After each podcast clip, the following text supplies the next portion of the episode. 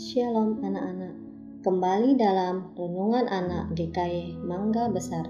Renungan hari ini berjudul Kekuatan Tuhan dalam Kelemahanku dari 2 Korintus 12 ayat 9. Beberapa tahun yang lalu, Maria pergi dalam tim misi ke Pulau Antigua.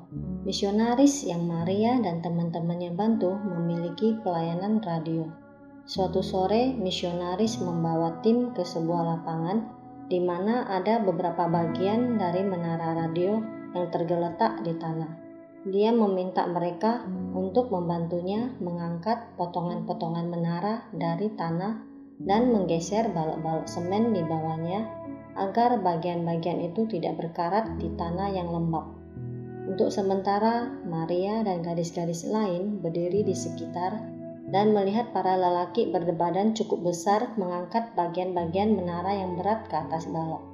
Kemudian seseorang berpikir bahwa mungkin gadis-gadis itu dapat membantu juga jika empat atau lima dari mereka mengangkat bagian menara bersama-sama.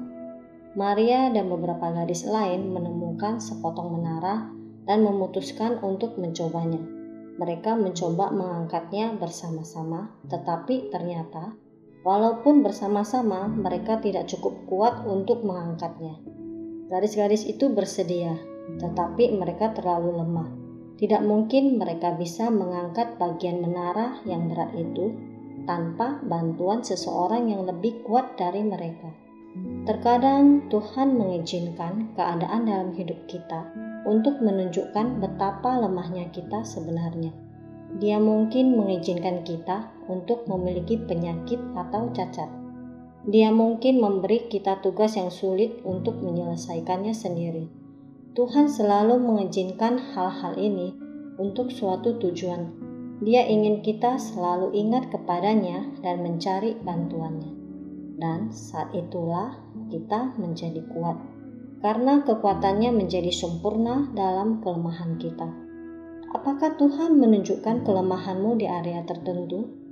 Terima kasih kepadanya karena telah menunjukkannya kepadamu. Carilah kekuatannya.